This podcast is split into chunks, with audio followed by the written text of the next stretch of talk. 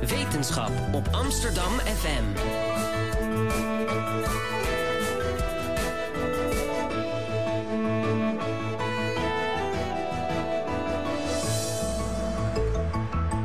Radio Swammerdam. Planten proberen zich op alle mogelijke manieren tegen aanvallers te verdedigen. Maar indringers veranderen voortdurend van aanvaltechniek. En daarover spreken we vandaag in Radio Swammerdam. Onze gast is plantenplatoloog Frank Takke. Uh, hij doet onderzoek naar de wapenwetloop tussen plant en vijand. Uh, meneer Takke, welkom. En we gaan ook uh, luisteren naar een column van een van onze vaste columnisten. Deze week verzorgd door Shanna Haker, theoretisch natuurkundige en columnist voor Swammerdam. Welkom ook. Uh, en ik presenteer niet alleen, want naast mij zit een mede-presentator Tim Wagemakers. Welkom. Goedemorgen. Uh, meneer Takken, is dit uw favoriete jaargetijde? Uh, ja, ik ben dol op de lente. Want u vertelde vanochtend, ik kwam hierheen fietsen en het zag er prachtig uit. Ja, het is heel mooi, het frisse groen en alles begint weer te groeien. Kijkt u dan als een echte bioloog om u heen? ik denk het wel. Ja, en wat, en wat doet u normaal gesproken op een zondag? Um, ja, ik doe dingen met de jongens buiten of op mijn tuin of ja, ik reis veel. En is dat eigenlijk werk of is dat vrije tijd in uw tuin werken? Uh, dat is hobby. Dat is hobby. uh, en uh, we moeten het toch even hebben over uw naam. uw naam en uw beroepskeuze doen aan elkaar denken op zijn minst. je hoort wel eens dat er een correlatie is tussen de beroepskeuze en de achternaam. Is dat bij u ook zo? Mm, niet bewust, maar het, ja, het zou kunnen. Ik kan het niet uitsluiten. Want vanaf wanneer was u geïnteresseerd in, eigenlijk, in, in planten? Oh, vanaf heel jong. Vanaf heel jong. Ja. En, en, en maakten mensen dan ook opmerkingen over uw achternaam en die correlatie ertussen? En dacht hij van, nou, misschien is dat wel een beroep voor mij? Of? Nee, nee maar die, die affiniteit voor planten had ik al, had ik al heel vroeg. Wat deden uw ouders? Wat uh, uw ouders? Uh, mijn pa was uh, leraar op een, op een basisschool. En was ook erg geïnteresseerd in, in planten en natuur. Aha. Oké. Nou, voor wie net inschakelt, u luistert naar Radio Swammerdam. Uh, het wetenschapsprogramma van Amsterdam FM. Elke zondag zenden wij live uit vanuit de Openbare Bibliotheek in Amsterdam. En uh, als u wilt reageren, dan kan dat. Doe dat via Twitter op de hashtag Radio Swammerdam. En u kunt ons ook volgen op Facebook en uh, de uitzending terugluisteren op Mixcloud. deze week praten we met plantenpatholoog Frank Takken. Ik moet nog even in de beroepsfeer komen. Uh, ik ben benieuwd hoe een laboratorium van een plantenpatholoog eruit ziet. Um, ja, ik, ik, werk op het Science Park. Uh, samen met 1500 andere collega's van de Universiteit van Amsterdam. En we zitten daar in het, uh, in het nieuwe gebouw mm -hmm. op, de, op het Science Park. En in dat gebouw zijn een aantal grote laboratoria. Moleculaire laboratoria, maar ook kassen, Hoe ziet dat eruit? Um, ja, moleculair lab is vaak een lab met heel veel flessen. en heel veel appara apparaten behoorlijk wat apparatuur om, uh, om experimenten mee te kunnen doen. Ook ruimtes waarin we uh, veilig met uh, micro-organismen, schimmels, bacteriën kunnen werken. En de kassen die we hebben zijn ja, vaak onderverdeeld in kleine compartimenten. En dat is een verlengstuk van het lab. Dus we kunnen per compartiment kunnen we de condities zo kiezen dat we daar onze, onze experimenten goed kunnen doen. Wat doet een plantenpatholoog? Een plantenpatholoog onderzoekt eigenlijk de, ja, de strijd, de wapenwetloop tussen, tussen planten en hun, uh, en hun belagers. En probeert te ontrafelen hoe, nou, hoe planten zich verdedigen. En maar ook aan de andere kant wat ziektes doen om die verdediging te omzeilen. Om uh, pathogenen doen om die verdediging te omzeilen en, uh, en ziekte te kunnen veroorzaken. En, en is, dat, is dat puur alleen voor planten of heeft dat ook toepassingen die voor mensen relevant zijn? Die strijd tussen... Nou ja, die, die strijd is zeker voor ons relevant. Als, uh, als je nu kijkt, in een derde van de opbrengst, potentiële opbrengst van gewassen gaat verloren aan ziektes. Ondanks alle middelen en alle kennis en alle kunde die we gebruiken. Wereldwijd is dat een hoeveelheid waar je een miljard mensen mee zou kunnen voeden. Dus als we beter begrip krijgen hoe we planten kunnen helpen zich te verdedigen... En is er nog een wereld te winnen? Is er een wereld te winnen. Dus u helpt eigenlijk uh, met het wereldvoedselprobleem oplossen? Dat is uiteindelijk het doel, ja door het krijgen van inzicht. Ja. En hoe zijn de faciliteiten bij de Universiteit van Amsterdam? Zijn die eh, op goed niveau? Of, uh... Ja, de faciliteiten zijn excellent. We hebben hele, wat, wat, zijn hele mooie labs met uh, ja, state-of-the-art apparatuur. En ook de, de, de kassen behoren tot de beste wereldwijd. De beste wereldwijd? Ja. Hoe kan dat? Um, Of is, ik verbaas me daar een beetje over, is dat gek? Ja, ze zijn heel nieuw. Uh, ze voldoen aan, aan, aan de hoogste uh, inperkingsniveaus. Dit type kasten zijn er maar een paar van in Nederland. Uh, bij, in Wageningen zijn er nog een paar die aan dit niveau voldoen. En de plantenziektekundige dienst heeft een aantal van dit soort kassen. Maar ja, we zijn ja, zeker heel goed voor, voorzien daarin. Maar ik, ik dacht altijd dat de Universiteit Wageningen echt de, de, de voedseluniversiteit en de plantenuniversiteit van Nederland was. Maar de UvA doet dus ook, die blaast ook flink mee. Ja, de, de Universiteit Amsterdam doet het heel goed. We zijn, eh, kijk, Wageningen is veel groter, maar als je naar, uh, naar output kijkt, en, uh, is de Universiteit Amsterdam heel goed bezig. We hebben een, een, een, behoorlijk grote cluster, puur gericht op plantenonderzoek, Green Life Sciences. Er wordt veel geld vrijgemaakt dus ook? Ja, ook, ook van de provincie, ook van de gemeente, ook van de stad. En, en ja, we zijn zeer succesvol in het binnenhalen van, van ook beurzen bij MBO. Waarom vinden wij als Nederland dat zo belangrijk? Voedsel is belangrijk, maar ook uh, Nederland is heel goed in het, uh, met name groenteveredeling. Uh, ehm, 60% van de groentezaden wereldwijd heeft zijn oorsprong uit Noord-Holland. 40% wordt daar ook daadwerkelijk 60% wereldwijd? Ja. Is dat is een flink Nederland is wereldleider in, in groenteveredeling. Hoe kan dat? Nederlanders zijn er heel goed in. historisch gezien, de, de jaren 30, 40 zijn er een aantal veredigingsbedrijven, met name Noord-Holland in de Seed Valley, begonnen met de veredelen. Seed Valley? Is dat de Silicon Valley, maar dan voor de zaden? ja, ja dat, uh, zo, zo kan je het zien. Een high-tech gebied waarin uh, heel veel groenteveredeling wordt gedaan. Het is globaal het gebied tussen uh, Warmerhuizen en Enkhuizen. Mm -hmm. En daar zit een enorme concentratie aan, aan bedrijven die zich bezighouden met nou ja, zaadveredeling, maken van Hoe kan je veredeling het makkelijkst uitleggen? Wat is dat?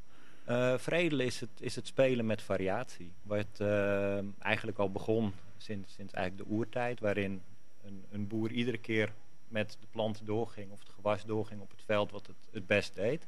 Door daar de zaden van te verhalen, uh, te, te houden, zie je dat sinds, sinds de jaren 40 zijn mensen, een bedrijf ook begonnen om gericht ja. combinaties te maken van gewenste eigenschappen. Dus het veredelen is eigenlijk niks anders dan het combineren van eigenschappen die ja. een product opleveren wat beter voldoet aan, uh, aan onze wensen qua oogst, uh, opbrengst, voedingswaarde, houdbaarheid, noem maar op. Dus als er een nieuwe tomaat op de markt komt, is dat vaak een proces van veredeling of resultaat van veredeling? Ja. ja. Dus een, een, om het even samen te vatten, een boer denkt ik heb een akkertje de zes beste plantjes die uit mijn uh, groeitijd zijn gekomen, die hou ik en die uh, gebruik ik weer voor het volgende seizoen? Ja, zo is het zo'n beetje gegaan tot ongeveer 1850. En wat dus gebeurde daarna? Het, het, ja, die gewassen die daaruit ontstaan, die, dat heet landrassen. Dus die, die zijn het best aangepast aan de lokale condities. En daarna zijn eigenlijk de wetten van Mendel herontdekt en zijn mensen gericht weer gaan, de wetten gaan, van Mendel? kruisen. Ja, de, de erfelijkheidswetten. Dat je kan voorspellen van hoe eigenschappen zich in, in de nakomelingen gaan uh, verdelen. Zodat je kan voorspellen bij bepaalde kruisingen wat het kruisingsproduct zal zijn. Wat de eigenschappen zal zijn. En dan, dan breng je de beste eigenschappen bij elkaar? Ja. En dat is eigenlijk begin 1900 zijn er ook bedrijven mee begonnen. Die, die zagen dat daar uh, ja, kansen lagen. Want daarvoor deden alleen boeren dat voor hun eigen opbrengst? Ja, waren het boeren die hun, die hun eigen uh, lijnen aanhielden. En begin 19e eeuw zijn, is, is dat echt een industrie geworden waarin ja, met, in, in eerste instantie familiebedrijfjes begonnen met ja, het veredelen van bepaalde gewassen. En eigenlijk sinds de ontdekking van, van DNA en, en, en het kunnen ontrafelen, nu kunnen we dat veel efficiënter en veel sneller. Omdat we vooraf al eigenschappen kunnen gaan voorspellen van planten. Dat is genetische modificatie, heb ik begrepen. Nee, nee, nee. Dat, dat is niet precies hetzelfde. Nee, dat is niet hetzelfde. Daar gaan we er zo meteen dan wat over uit, uitgebreider over hebben. Ik wil het eerst nog heel even hebben over de actualiteit. De afgelopen weken is dus de Universiteit van Amsterdam veel in het nieuws geweest. Een groep studenten bezette het Maagdenhuis en eiste meer inspraak in het beleid. Uh, maar bij deze groep sloot ook een groep docenten en onderzoekers van de Universiteit van Amsterdam aan. En uh, die stuurden een open brief aan het college van bestuur en minister Bussenmakers. En uh, bijna 550 medewerkers ondertekenen deze brief al. Heeft u de bezetting een beetje gevolgd? Een beetje. Een beetje, want ik, heeft u de brief ook ondertekend? Ik heb hem niet ondertekend. En waarom niet? Um, aan de ene kant heb ik het idee dat studenten al behoorlijk wat invloed hebben. Bijvoorbeeld mm -hmm. de voorgestelde fusie VU-UvA werd afgeketst omdat een aantal studenten tegen waren. Dat geeft aan hoeveel invloed er al zit bij studenten. Als ik ook binnen de beta-wetenschappen kijk hoe lastig het vaak is om studenten te vinden die überhaupt in, in allerlei raden willen, uh, plaats willen nemen, Mhm. terwijl daar inspraak mogelijk is, is het iets wat in ieder geval de studenten waar, waar ik mee spreek weinig leeft. Dus het leeft minder in de beta-faculteit dan in de geesteswetenschappen bijvoorbeeld. Dat gevoel heb ik, maar Oké. Ehm, nou, ik spreek u graag eh, verder straks over eh, de genetische modificatie en het afweersysteem van planten en uw eigen onderzoek. Eh, maar we gaan eerst even kijken, luisteren naar muziek. U hoort, de pop, u hoort de popband Belle en Sebastian uit Glasgow met het nummer Another Sunny Day.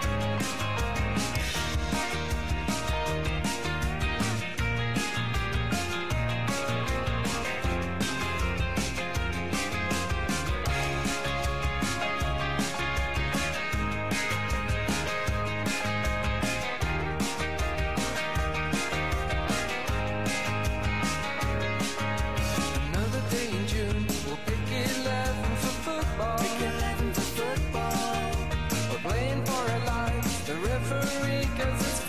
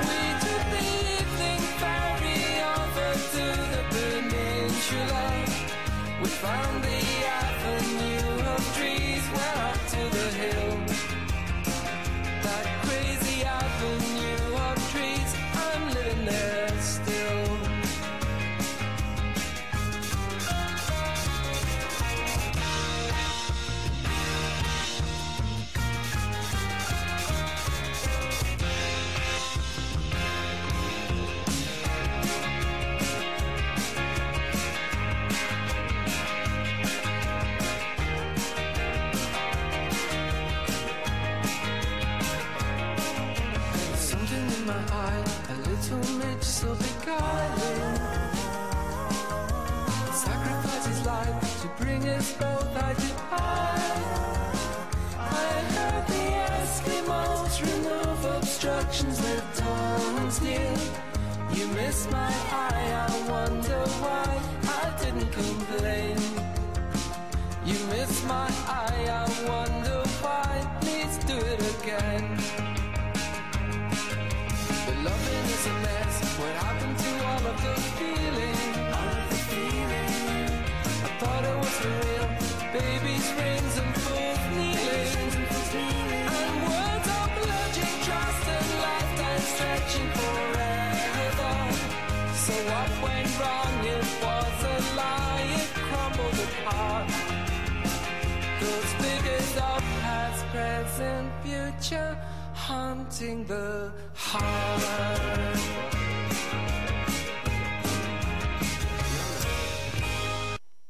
welkom terug bij Radio Swammerdam, het wetenschapprogramma van Amsterdam FM. Elke zondag zijn wij live te horen vanuit de Openbare Bibliotheek in Amsterdam. Eh, deze week praten we met plantenpatholoog Frank, Ta- Frank Takken. Helemaal goed dit keer. Helemaal goed. Ja. Eh, Frank, doet u ook onderzoek naar alle planten of alleen een specifiek deel?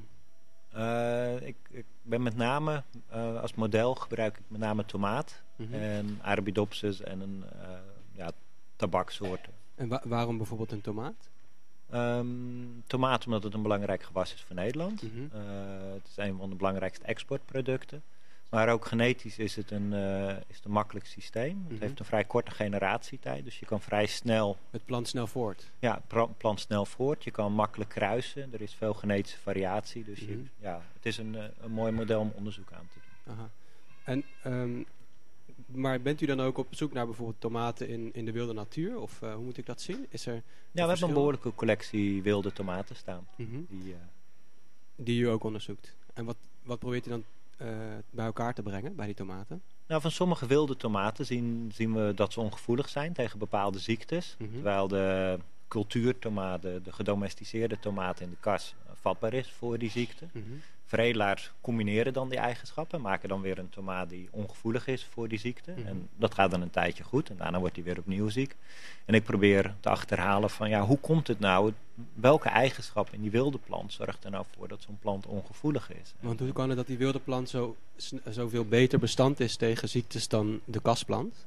Oh, niet alle wilden zijn bestand. Het is, als je een hele populatie screent, vind je vaak één of een paar planten die ongevoelig zijn. Mm -hmm. Die hebben blijkbaar een eigenschap die ze ongevoelig maakt. En nou, die, wat die eigenschap is, dat is wat ik probeer te onderzoeken in het lab. En wat doet u dan? U zet uh, verschillende wilde planten naast elkaar en, en spuit u een ziekte in of zo? Um, ja, dat is één manier. Dus dat, uh, ja, dat je planten infecteert met Mhm. mm -hmm. een bepaalde schimmel en kijkt welke worden niet ziek. En daarna kruis je die plant met, je, uh, met de andere. Met, met, met de ander en dan kijk je van worden de nakomelingen dan ook niet meer ziek. Oké, okay. ik begreep dat uh, dit ook een beetje natuurlijk is waar u de visiebeurs voor kreeg. Mm -hmm. Een vrij prestigieuze uh, beurs waarin uh, u een groot budget krijgt om de komende vijf jaar onderzoek te doen. En een van de selectiecriteria is het vernieuwen van onderzoek dat kennis oplevert dat uiteindelijk toepasbaar is. Mm -hmm. um, waarom is uw onderzoek al eerst zo vernieuwend? Um, ja, het idee wat ik heb hoe, de, hoe planten ziektes waarnemen en hoe ze daarop reageren, dat is, uh, ja, dat is het meest vernieuwende van mijn voorstel. Mm -hmm. um, planten nemen met een soort specifieke antennes, uh, receptoren worden die genoemd, kunnen ze ziektes waarnemen. Mm -hmm. En de grote vraag is, we weten nu redelijk hoe die antennes eruit zien. We hoe ziet er, dat eruit? Uh, ja, dat zijn eiwitten met heel veel verschillende domeintjes. En die werken eigenlijk als een soort moleculaire schakelaar. En hoe ziet dat, wat, waar moet ik dan naar kijken? Waar, of waar, waar, waar, wat zie ik dan als ik daar naar kijk? Ja, ze zijn te klein om met het blote oog te zien. Maar mm -hmm. ja, het zijn moleculaire schakelaars die in een cel zitten. Mm -hmm. En op het moment dat ze een ziekte waarnemen, dan, dan worden ze aangezet. En dat hebben alle planten? Dat hebben alle planten. En iedere plant heeft honderden van die schakelaars. En sommige bomen wel, wel duizenden. Maar iedere schakelaar kan heel specifiek één ziekte herkennen. Of één eigenschap van een ziekte verwekken. En als die ziekteverwekker die eigenschap kwijtraakt, kan die ook niet meer herkend worden en ziekte veroorzaken. Nou, het onderzoek wat ik hiervoor heb gedaan, heb ik redelijk uitgezocht hoe zo'n schakelaar eruit ziet en hoe die werkt. Maar wat we nog steeds niet weten is hoe dan zo'n schakelaar de afweerrespons aanzet. En uh, in de mens komen dit soort schakelaars ook voor. En daar zien we dat eigenlijk als een schakelaar aangezet wordt, een andere schakelaar aanzet, die weer een andere aanzet, een soort domino. Dus maar hoe, hoe, hoe ziet dat in een mens uit als een schakelaar? Hoe... Uh, dat zijn hetzelfde soort eiwitten. Ja. En we hebben ze bijvoorbeeld in, uh, in, uh, in ons darmepitheel zitten ze. En daar geven ze ook bescherming tegen, tegen bacteriën. Ja. En als zo'n schakelaar stuk is, staat hij bijvoorbeeld continu aan. Dan kan je bijvoorbeeld auto-immuunziektes krijgen, zoals de ziekte van Crohn. Of hij kan continu uitstaan, waardoor als er ziektes zijn, het immuun, ja, de, ja er niet goed op reageert. Bepaalde vormen van astma of, of zijn. Maar dat is dus dezelfde mechaniek als bij planten? Ja, dus ja. dezelfde mechaniek. En het idee was eigenlijk dat het signaleren, dus het, het, doorgeven van het signaal op dezelfde manier zou werken. En in, in, in, menselijke cellen en dierlijke cellen weten we redelijk goed hoe de route is die daaronder zit. Dat er een soort domino aangezet wordt die uiteindelijk in, in de celkern tot inductie van de plant leidt. Dus het dringt helemaal door tot het begin van de plant, of tot de kern van de plant? Ja, tot, tot de kern van de cel. Mhm. En daar worden allerlei ja, afweergenen zeg maar, aangezet. Maar ondanks heel veel onderzoek, van onder andere mijn lab, maar ook labs wereldwijd, hebben we eigenlijk nooit die eiwitten kunnen vinden, die, die domino-steentjes die onder zo'n resistentie-eiwit zitten. En wat recent onderzoek uit mijn lab, samen met een collega in, eh, in Engeland, hebben we nu gevonden dat zo'n resistentie-eiwit, zo'n immuunreceptor, als hij in de aan staat, staat dat hij direct zelf naar de kern gaat en daar zelf op het DNA allerlei dingen En, doet. en wat is dan, want dat, dat was een tweede gedeelte van de selectiecriteria. Wat is dan de toepasbaarheid van dit onderzoek of wat, waar hoop je op? Nou ja, nu we, als we kunnen ontrafelen hoe planten nou specifiek hun afweer aanzetten, kunnen we die kennis misschien gebruiken om planten die een zwakke afweer hebben, om die afweer sterker te maken. Of als bepaalde eh, ziektes een, een, een, een, een afweer doorbreken, dat we misschien die, die ehm, ja, dat, dat weer kunnen reverteren. Dus dat zo'n zo'n plant zo'n pathogeen toch weer kan herkennen. Of misschien kunnen we zelfs een, een synthetisch immuunsysteem bouwen op basis van de kennis die we nu hebben hoe, hoe het werkt. En heeft u al een idee over hoe dat ongeveer werkt? Ja, ik heb daar nu een ja, dat is het idee wat ik in mijn fictievoorstel Mhm. eh, uitgewerkt heb. Dat, dat mijn hypothese is nu dat die eiwitten naar de kern gaan en daar Mhm. zelf de afweerrespons aanzetten. En dat is wat ik de komende jaren wil gaan, eh, gaan onderzoeken met een klein team. En dat is eigenlijk totaal nieuw dus in de wetenschap. Ja, dat, eh, en, en nogal onverwacht in, Mhm. in dat die eiwitten dat zelf kunnen. En dat is, ja, dat is een... eh, Weet u nog op het moment dat u dat voor het eerst zag? ja, waar, waar schets eens een, een, een scène, waar was u en wat Nou ja, zag u eigenlijk? Ja, we waren eigenlijk al heel lang, net als andere labs, bezig om te kijken of we eiwitten konden vinden die onder, het, ja, eh, onder zo'n resistentie-eiwit werken om te signaleren. En, en wat we ook deden, wat we ook screenden, we, het enige wat we vonden waren eiwitjes die hele andere functies hadden. Mhm. Dus toen heb ik samen met een collega nog eens heel goed naar de structuur gekeken. We kunnen de structuur voorspellen van het eiwit. En toen zagen we, hé, hey, het lijkt heel erg op een eiwit wat DNA kan binden. Het lijkt op een bacterieel eiwit wat, wat DNA bindt. Mhm. En toen hadden we de wilde proef nou laten we eens DNA en zo'n resistentie-eiwit mengen om te kijken of ze toevallig aan elkaar plakken. En nou ja, de verrassing was ook heel, heel groot toen we inderdaad zagen van ja, ze binden aan elkaar Mhm. en, en ze vormen een heel stevig complex. En het, het bindt niet alleen, het buigt ook. En dat dat Maar- was een doorbraak. U doet dan onderzoek en, en, en u mengt dat en vervolgens gaat u naar huis. Gelukkig dat het gelukt is. En wat vertelt u dan thuis? Ik heb, het, ik heb iets gevonden waarmee we het voedselprobleem kunnen oplossen. Of ik heb iets... Hoe- Nee, zo ver niet. Maar wel dat, eh, ja, we, hebben- we hebben nu zoiets bijzonders gevonden. Het blijkt dat resistentie-eiwitten direct DNA kunnen binden. En dat is zo onverwacht. En van, eh, eerst geloof je het niet. Van, nou, nog eens een keer een controle doen. Ook eens een ander eiwit kijken. Eh, We hebben nu een hele set verschillende resistentie En ze doen het allemaal. Dus ja, want eerst moet je jezelf overtuigen. Van, ja, klopt het? Is het niet toevallig ja, een besmetting of contaminatie? Kijk ik wel goed? ja, kijk, kijk ik wel goed. Is deze essay wel betrouwbaar? Dus het ook op een paar andere manieren. En eigenlijk iedere keer kwam er hetzelfde uit. En op, ja, op dat moment denk je, ja, ik heb echt iets heel leuks. En, Ja, als je het nu zegt, straal je er nog van. ja, Ja. Het is, eh, ik, word, ik word hier heel enthousiast van. Ja. Ja. Wat is de potentie van deze ontdekking? Wat als u nu het verder gaat onderzoeken en uiteindelijk mee aan de slag gaat? Nou, in principe eh, de manier hoe we, hoe we denken dat deze eiwitten werken in de planten, dat, dat, dit verandert fundamenteel hierdoor. Maar kunnen we ook het voedselprobleem oplossen zoals Tim net aangaf? Het kan een bijdrage leveren om, ja, eh, om, om planten weerbaarder te maken. Mhm. Wat gaat er gebeuren met het onderzoek? In die zin, ehm, zijn daar ook overheden, landen... Ik, want ik, ik, ik, ik weet dat China bijvoorbeeld heel vaak naar Nederland komt... om te kijken hoe wij onze gewassen maken, kweken, Mhm. supertomaten, et cetera. Is, is dat ook iets wat met dit onderzoek misschien gaat gebeuren? Als we kunnen weten dat die eiwitten eh, kunnen helpen om planten beter, een betere afweer te geven... is dat interessant voor bedrijven, overheden die een voedselprobleem hebben? Ja, ik denk dat dit, eh, dit, dit onderzoek wereldwijd eh, ja, gevolgd zal, zal worden. En als we, als we er toepassingen inderdaad voor, voor kunnen vinden, zal dat ook. Ja. ja. Verwacht ik wel. Wie zijn eigenlijk de ziekteverwerkers bij de planten? Oh, dat zijn er vele. Je, je kan denken aan, aan, aan insecten. eh, witte vlieg, bladluis of, eh, aaltjes in de bodem. Maar Mhm. ook eh, schimmels, bacteriën, virussen. En hoe gaat dat dan? Al- Als zo'n plant ziek wordt? Is dat een, een, een, het wordt geïnjecteerd door een, een, een, een insect of een... Ja, ja, in- insecten zo- zoals rupsen, die kunnen gewoon eten van een plant. Mhm. Die eh, eten gewoon van, van het blad. Maar de, bijvoorbeeld de schimmel waar ik zelf aan werk, fusarium, die dringt door via de wortel. Mhm. Dringt dan het vaatstelsel binnen en groeit dan door de vaten, door de plant heen. Plant probeert dan de schimmel tegen te houden. Die blokkeert dan zijn vaten. En wat Mhm. je dan ziet is dat zo'n plant verwelkt. Daar- Vandaar de naam verwelkingsziekte. En je ziet dat zo'n verwelkte plant, er komen bijna geen, geen vruchten meer aan. Mhm. En dat, dus ze hebben allemaal verschillende, de bacteriën en de ziekteverwekkers hebben allemaal verschillende technieken of Mhm. tactieken om de plant aan te vallen. Ja. En eh, zijn dat heel veel verschillende technieken of zijn er maar tien? Of? Nee, ja, een, een, een aantal mechanismen zijn universeel. Een microbe, een bacterie moet eerst proberen in de plant te komen. Mhm. En daar moet hij proberen, planten hebben van nature een heel goed immuunsysteem. Daarom Mhm. zijn de meeste planten ook niet ziek. En om ziekte te kunnen veroorzaken vereist specialisatie van, eh, van het pathogeen. Dus je moet eerst zorgen dat hij het plantimmuunsysteem plat legt, Mhm. voordat hij zichzelf kan vermenigvuldigen in de plant.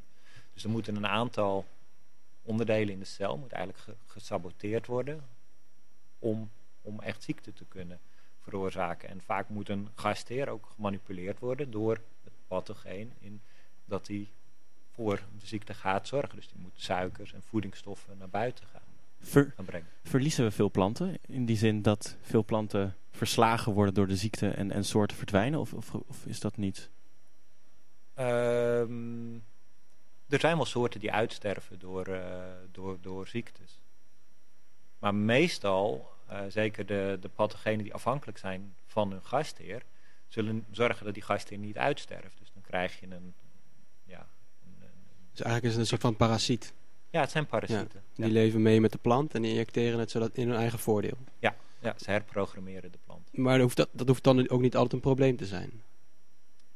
Nee, dat, nee. Als de plant nog voortleeft, alleen er reist iemand met hem mee.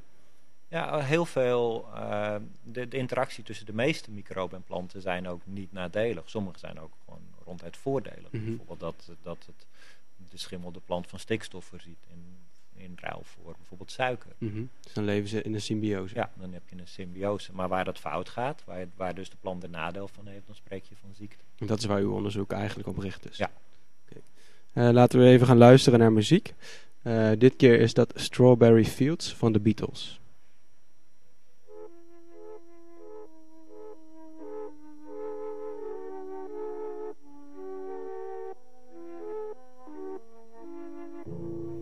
Me take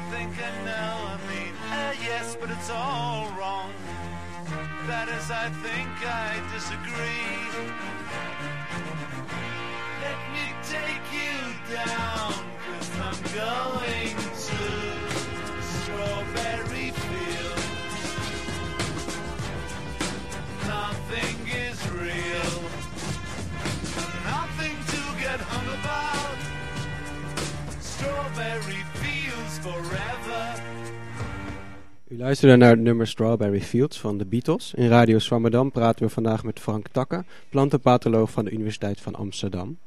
Ehm, we hadden net even onder de muziek, eh, was er een vraag van waar kijkt u nou eigenlijk de hele dag naar? Want we horen een, eh, vrij technisch verhaal, een inhoudelijk verhaal.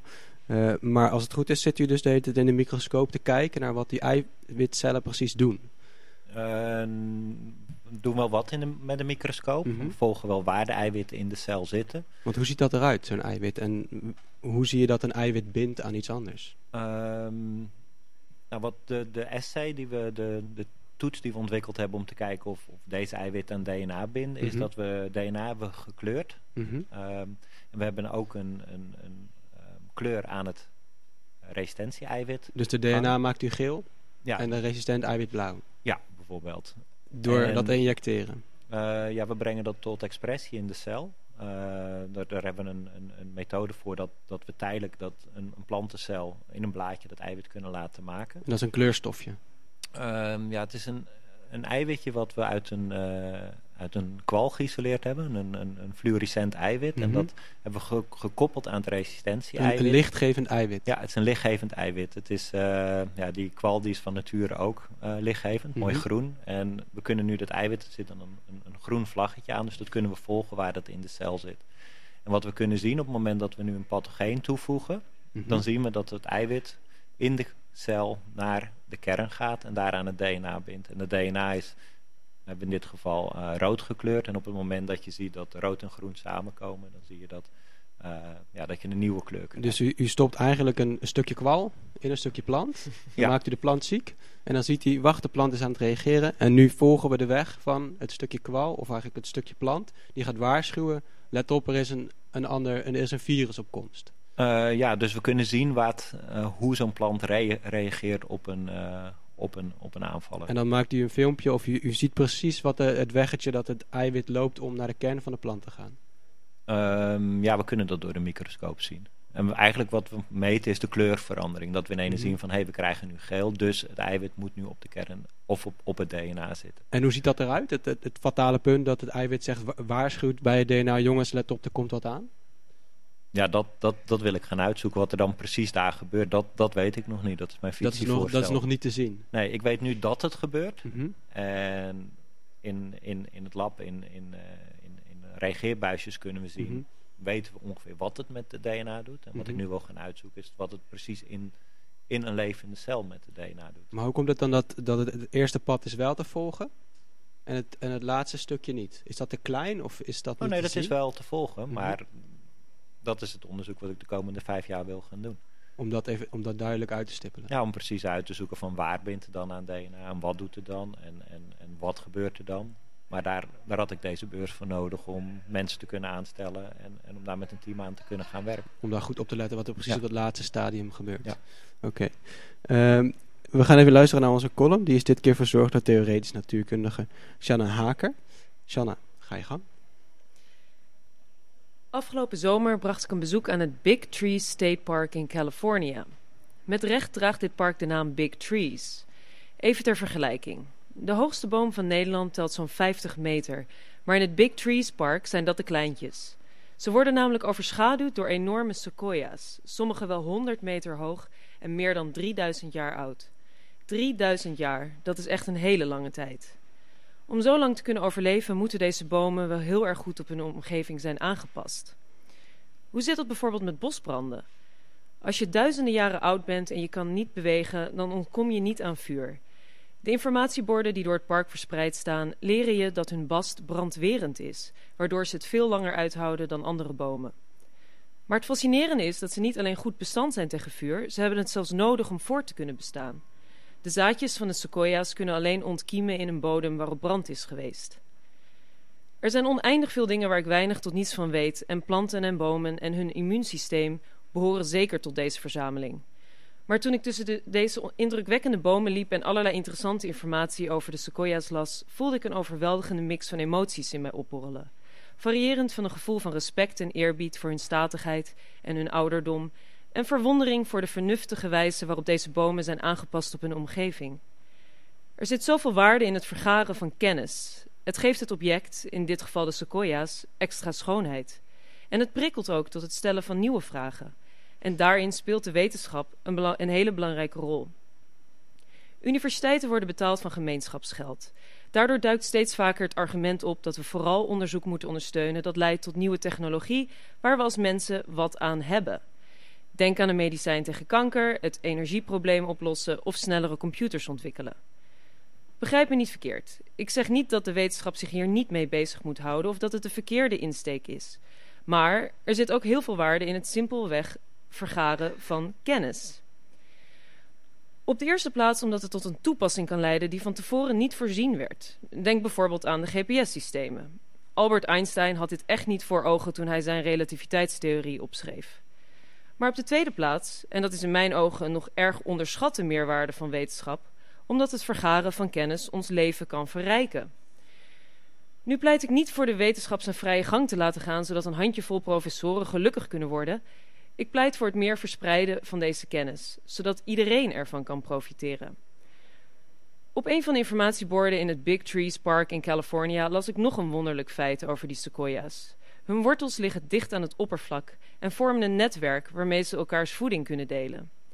Dit soort informatie draagt alleen maar bij aan de fascinatie die ik voel voor deze gigantische bomen en prikkelt mij om meer te weten te komen. Ik merk ook in mijn omgeving wat het effect is van wetenschappelijke kennis delen.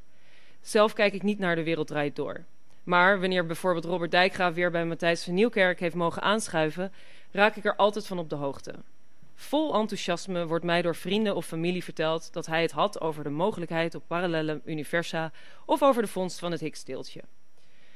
Ook al is het voor hen niet altijd helemaal duidelijk wat meneer Dijkgraaf precies bedoelt, het besef dat er allerlei dingen zijn die we nog moeten ontdekken heeft een enthousiasmerende werking. Meer kennis roept ook weer nieuwe vragen op, maar niet alleen vragen die in dezelfde lijn liggen. Ook hele andere zaken gaan we met andere ogen bekijken. Bijvoorbeeld, hoe werkt een rits eigenlijk? Of hoe is het internet ontstaan? Verwondering is een spier die we moeten trainen en blijven prikkelen. En niet alleen omdat dit ons leven rijker maakt. De rol van de wetenschap in het overbrengen van kennis gaat verder dan onze verwondering en verbeeldingskracht oprekken. Hoe meer mensen ermee in aanraking komen, hoe beter men zijn mening erover kan vormen. En ethische vraagstukken duiken overal binnen de wetenschap op. Mag je gewassen genetisch manipuleren zodat je geen pesticiden meer hoeft te gebruiken? Mogen bedrijven als Monsanto kennis die verkregen is aan universiteiten patenteren? We moeten steeds weer bepalen wat toelaatbaar is. En dat proces moet zeker ook buiten de ivoren toren van de wetenschap plaatsvinden. Ja, een volle column. Um, het verspreiden van de kennis. Hoe, uh, hoe ziet u dat? Dus u gaat straks uw onderzoek publiceren. En dan zijn er misschien wel bedrijven die zeggen... hé, hey, dat is handig. Dat gaan wij ook eens even gebruiken. En dat gaan we op een grote schaal inzetten. Is dat iets waar u over nadenkt? Ja, kennis verspreid je. Dat is mm -hmm. het doel van onderzoek. Maar we hoorden net al de naam Monsanto langskomen. Een uh, groot bedrijf... Um, wat eigenlijk uh, DNA... of sorry, wat eigenlijk genetische modificatie...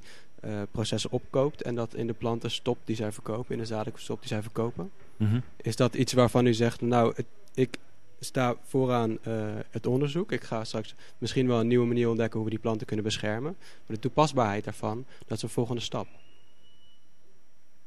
Ja, Wie gaat daarmee aan de haal?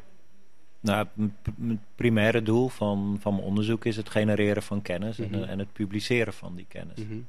Uh, als er toepassingen uit toekomen, uh, voortkomen en bedrijven gebruiken dat, ja. is, is, dat, uh, ja. is, is dat een voordeel. Maar gaat uw onderzoek de boeren in Nederland hun werk ontnemen? In die, in, in die zin dat de tendens natuurlijk steeds meer is richting genetische modificatie, ook in gewassen. ik, ik, ik geloof dat het, het idee van Monsanto is natuurlijk dat we met minder moeite meer kunnen produceren van een hogere kwaliteit -hmm. qua voedsel dat betekent dat er ook de manier waarop we het nu doen misschien wel verouderd is. Ja, maar genetische modificatie zal nooit, nooit de oplossing zijn voor het wereldvoedselprobleem. Het is een gereedschap wat je kan gebruiken om extra variatie te genereren. Maar het is, het is geen doel op zich. Het, het, het kan in een aantal gevallen waar je geen alternatieven hebt, kan het, kan het een meerwaarde opleveren. Welke gevallen zijn dat? Bijvoorbeeld bepaalde ziekten, zoals uh, sommige, bijvoorbeeld een virusziekte in papaya. Daar is geen resistentie tegen. De enige manier eigenlijk hoe je die papaya's kan beschermen en kan, ja, eh, ze kan verbouwen, is door daar een heel klein stukje DNA van het virus in te zetten, waardoor die planten ongevoelig worden voor dat virus. Ook bijvoorbeeld in banaan, Panama disease, is op het moment een heel groot probleem. Het is een schimmel die in de bodem zit, eigenlijk niet te bestrijden is. En als planten ziek zijn, eh, ja, dan leveren ze ook geen bananen meer. En bananen kunnen we niet kruisen, bananen zijn steriel. Dus eigenlijk de enige toepassing of mogelijkheid die ik nu zie om die gewassen te beschermen is eventueel met een eh, met genetische modificatie. Mo- moet u vaak uitleggen dat wat, u, dat wat u doet niet per se is wat Monsanto doet? En wat ik doe is heel anders dan wat Ja. Monsanto doet. Ja. Ehm, maar is het wel zo dat mensen misschien eh, verwarren wat genetische modificatie is en vermag? Laat ik het zo zeggen. Ik, ehm, ik, ik, ik schrik wel eens als ik... ehm, nou, misschien kunnen we daar zo over verder praten. Maar deze week was er een Zembla-uitzending eh, over Monsanto. En Deze Zembla-uitzending haalde zelfs het 8 uur journaal. Eh, in de uitzending Mon- de Monsanto-methode liet het programma de eh, macht van grote bedrijven zien in de zaadindustrie. Het bedrijf Monsanto koopt het patent van het veredelde zaden. En veredeling die eigenlijk door wetenschappers openbaar is gepubliceerd. Maar dus als zij het patent Mhm. hebben gekocht niet meer breed inzetbaar is. De kennis is er nog wel, maar zij gebruiken het om eigenlijk hele gewassen eh, voor zichzelf te houden. nou ja, dat is een van de dingen misschien waardoor er een soort angst... of in ieder geval sceptisch Mhm. tegenover dat soort bedrijven is. Herkent ja, u dat? Ja, die angst is terecht. En eigenlijk ook wat je ziet waar Nederland zo, zo groot is geworden in de groenteveredeling is wat we hier hadden, dat heet, of nog steeds hebben, heet kwekersrecht. Waarin je in principe iedereen gebruik kan maken van alle genen, alle genetische variatie die er is. En op het moment dat jij een gewas van de concurrent pakt en dat aanzienlijk verbetert, dus kan aantonen van de variëteit die ik nu heb is anders, onderscheidt zich duidelijk van wat er al was, dan kan je daar kwekersrecht op aanvragen en dan kan jij dat Ja, een soort, exploiteren. een soort open Een soort source. open source. En dat is eigenlijk hoe, hoe je elkaar verder helpt. Want je staat dan op elkaars schouders en samen kom je veel verder dan, eh, dan eh, ieder, ieder individueel. En wat je nu ziet is dat Monsanto, die gaat genen die uit het publieke domein komen, dus genen die van iedereen zijn, die kruisen ze een paar generaties in in hun gewas. En daarna zeggen ze, dat hebben wij ontdekt. Dat gaan wij Mhm. patenteren als onze uitvinding. Wat natuurlijk heel raar is, want die genen die waren er altijd al. Het enige wat ze hebben gedaan is ze ingekruist. Ze hebben er en, en dat is heel raar dat je dat nu kan patenteren en dat kan claimen. En daardoor ook die bron niet meer beschikbaar kan maken voor, voor andere partijen. Dat heeft een remmende werking op wetenschap dan, lijkt me. Niet per se op de wetenschap, want als onderzoeker kunnen we er nog onderzoek aan doen. Maar het heeft zeker een remmende werking op de toepassing. Want andere bedrijven kunnen nu die eigenschappen niet meer gebruiken in hun eigen gewas. En dat is, dat is heel zorgelijk. En dat, dat leidt ook tot een enorme verschraling van het aantal soorten wat je op het veld ziet. Omdat er nog maar een paar bedrijven nog maar een paar gewassen neerzetten. En dat, dat maakt ons ja, de voedselproductie nog kwetsbaarder. Als alle planten hetzelfde zijn, als er eentje vatbaar is, dan zijn ze dat allemaal. Dus dat, dat, dat brengt een groot risico Dus in die zin is schaalvergroting eh, binnen de planten, zoals bijvoorbeeld Monsanto dat doet met één gewas op een heel groot veld, niet per se bevorderlijk voor de stabiliteit van ons voedselsysteem. Nee, dat is, dat is juist heel schadelijk. In, eh, tot, tot 20 jaar terug hadden we ook nog heel veel verschillende soorten variëteiten mais bijvoorbeeld. En als er dan eentje vatbaar is, één variëteit, dan heb je die andere, zeg 19 nog over. Op het moment zijn het nog maar drie of vier variëteiten die wereldwijd de velden vullen. Ja. Dus op het moment dat één daarvan ziek wordt tegen een nieuwe, eh, nieuwe do- eh, uitbraak van een ziekte, gaan ze er allemaal aan. Terwijl- Hetzelfde probleem zien we met banaan. Alle, bijna alle bananen die eh, wereldwijd geëxporteerd worden, komen van één stek uit, uit de botanische tuinen, de Kew Gardens. Al die planten zijn genetisch identiek, dus dat, is, dat maakt het heel kwetsbaar. Maar is dat een onrealistisch doembeeld of is dat een reële vrees of angst? Dat is de situatie waar we nu in zitten. Dat je ziet dat er ieder jaar minder variëteiten komen. En dat die een al groter oppervlak ehm, eh, bestrijken. En dat is alleen omdat het goedkoper is om ze dan te produceren? Deels is het inderdaad goed, goed, goedkoper om meer van dezelfde te maken. Ehm, en een paar lijnen, die, variëteiten die het heel goed doen, daar wordt, daar wordt alles mee volgezet. Maar Mhm. daardoor heb je een enorme genetische verschraling. Dus er hoeft maar één ziekte te komen en heel, een hele hoop gewassen zullen sterven. Eigenlijk een heel, een heel groot deel van onze voedsel eh, gaat eraan. Ja, je maakt je erg kwetsbaar. W- Wat moeten we hier tegen doen? Eh, toch weer die diversificatie in, in, in ja, meer verschillende variëteiten. Mhm. Maar als grote bedrijven als Monsanto dat niet doen, wie doet dat dan? Ja, dat is een zorg. Want je ziet ook dat die grote bedrijven al meer macht krijgen. En Mhm. de kleine bedrijven of overnemen of nou, die, die met name met pat- patentering geven die het op. Mhm. En wie, wie- maar wie is er verantwoordelijk uiteindelijk om te zeggen... jongens, het gaat niet goed, we gaan de verkeerde kant op... we moeten hier iets anders gaan doen? Ja, daar heb ik geen antwoord op. Geen idee wie er verantwoordelijk is. Nou ja, dat een is, deel van het probleem. nee, ja, dat, is, dat is de macht van de grote bedrijven. Mhm. Hoe zit het eigenlijk met Monsanto en de universiteit? Want ik, ik, ik las wel eens dat zij bijvoorbeeld in Wageningen eh, onderzoeksprojecten financieren. Is dat zo of is dat een... eh, Er, er zijn wel samenwerkingen. En, en in, in hoeverre eh, heeft de UvA dat soort samenwerking? En de tweede vraag is eigenlijk, is dat erg? Of is dat alleen maar goed dat er geld vrijkomt? Mm, v- Voor zover ik weet hebben wij geen samenwerkingen met Monsanto, maar we werken wel veel samen met, eh, met andere veredelaars in Nederland. En wat zijn dan de, de, de, de afspraken in die zin? Want ik kan, ik kan me voorstellen dat u het misschien niet wenselijk zou vinden als uw onderzoek, wat u doet en waar een uitkomst in is, leidt tot een product wat zorgt voor minder diversificatie. En precies dat probleem dat we net schetsten. Nou ja, het, een van de eh, ideeën die ik met mijn onderzoek heb, als we weten hoe het eigen immuunsysteem van een plant werkt, kunnen we misschien planten maken die juist met veel minder bestrijdingsmiddelen toe kunnen. Dat is, dat is ja, de, de, de, de hoop die ik met mijn onderzoek heb. En het onderzoek wat, wat ik ook deels samen met bedrijven uitvoer, is dat de bedrijven als eerste zien welke kennis er gegenereerd wordt. En als zij denken, hé, hey, daar, daar kunnen we wat mee in onze veredelingsprogramma's, dan kunnen ze dat gaan inkruisen in hun, eh, in hun lijnen. Ja. Dus dat, dat zit er voor de bedrijven in, dat ze als eerste ja, die kennis zien voordat die gepubliceerd wordt. Kunnen we eigenlijk, is er nog een weg terug? Kunnen we zonder veredeling en weer terug naar natuurlijke gewassen? Maar wat zijn natuurlijke gewassen? Eigenlijk alle, alle voedselgewassen die we hebben zijn gedomesticeerd, zijn Mhm. aangepast aan, door ons naar onze wensen. Die gewassen zijn afhankelijk van ons voor de verspreiding en wij zijn afhankelijk van die gewassen voor ons voedsel. Dus we zijn ja, net zozeer als dat die Aan gewassen afhankelijk ja, ja, we zijn dan tot, tot elkaar veroordeeld. En is er dan geen voedsel buiten de gewassen? Nou ja, we hebben ongeveer 300.000 planten op aarde. Mhm. Daarvan kunnen we er ongeveer 2000 eten en 150 worden er daadwerkelijk ge- gegeten. Van die gewassen, daar moeten we het zo'n beetje mee doen. En Mhm. uiteindelijk, de hele 70, 80 pro- procent van onze calorieën komt nog niet van een tiental gewassen af. We zijn heel afhankelijk van een heel klein aantal, eh, aantal voedselgewassen. Maar er is dus helemaal geen voedselmogelijkheid buiten die tien gewassen waar wij van eten. Of moeten we met z'n allen eigenlijk een ontzettende vieze knol die we tot nu toe helemaal niet in de supermarkt hebben liggen, gaan eten omdat die beter resistent is en daar nog veel meer soorten van zijn? Nou, het, de, de reden dat deze tien gewassen de meest populaire voedselgewassen zijn, is bijvoorbeeld een, een, een, een hoge voedingswaarde en een hoge Mhm. opbrengst, een Mhm. goede houdbaarheid. Dus er is helemaal niks mis met die gewassen.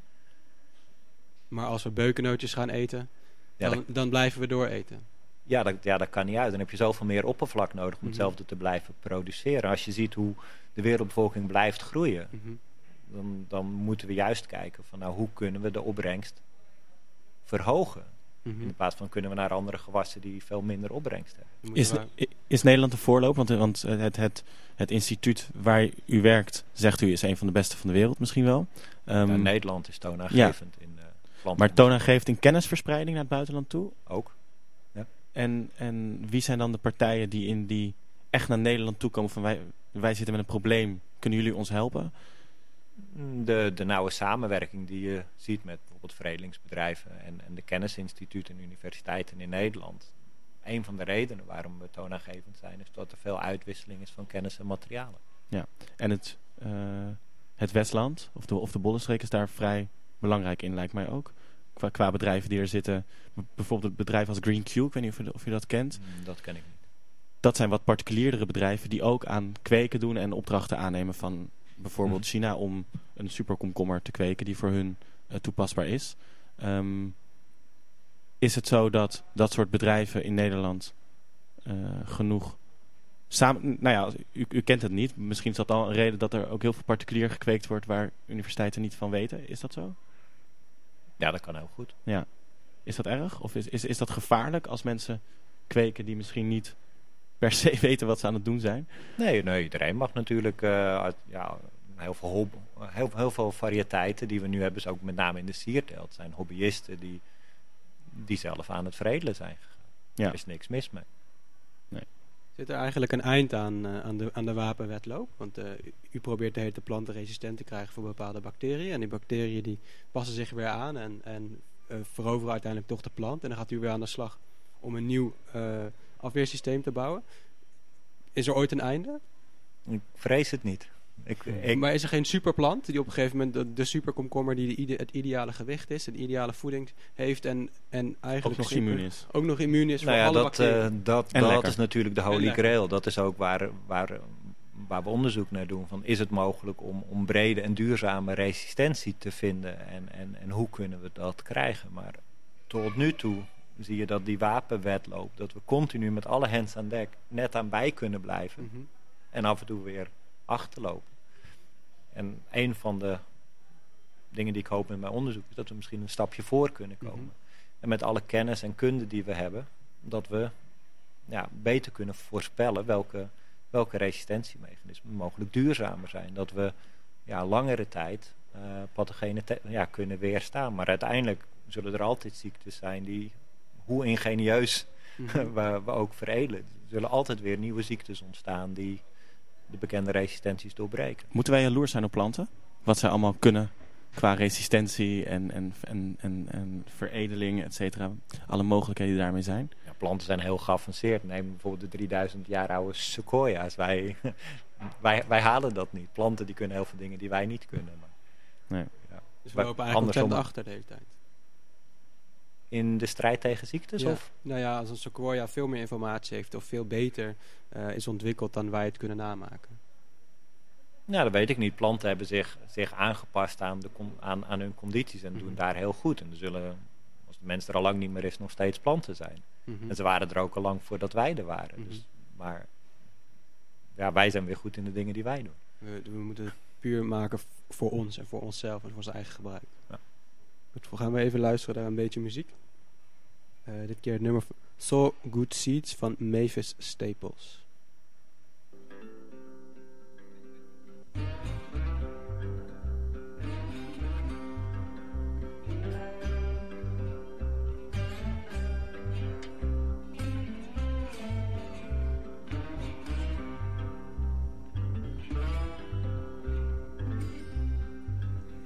sow good seeds, everybody. Sow seeds, everybody. On the mountain, down in the valley, you're gonna reap just what you sow. Sow by walking, sow by talking, sow by everything you do. Don't mind no one, keep on sowing. You're gonna reap just what you sow. So good seeds, so good seeds. Everybody, everybody. Sow good seeds, so good seeds. Everybody, on the mountain, down in the valley, you're gonna reap just what you sow. Heart the voice of the Jesus calling, who will come and wake the dead. Tunes of mercy, harvest waiting. Here am I, oh Lord, send me.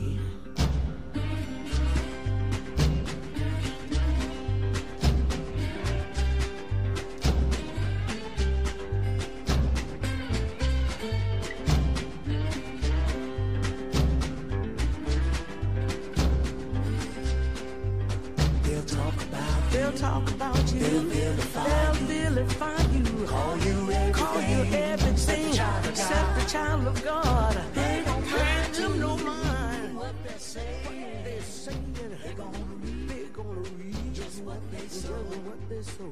So good seed, so good seed. Everybody, everybody, so good seed, good seed. U heeft geluisterd naar Soul Good Seed van Mavis Staples. En daarmee zijn we aan het eind gekomen van Radio Zwammerdam. Ik wil iedereen hartelijk bedanken. Nog één allerlaatste vraag. Wat zou nou het grootste gevaar zijn van uw vakgebied?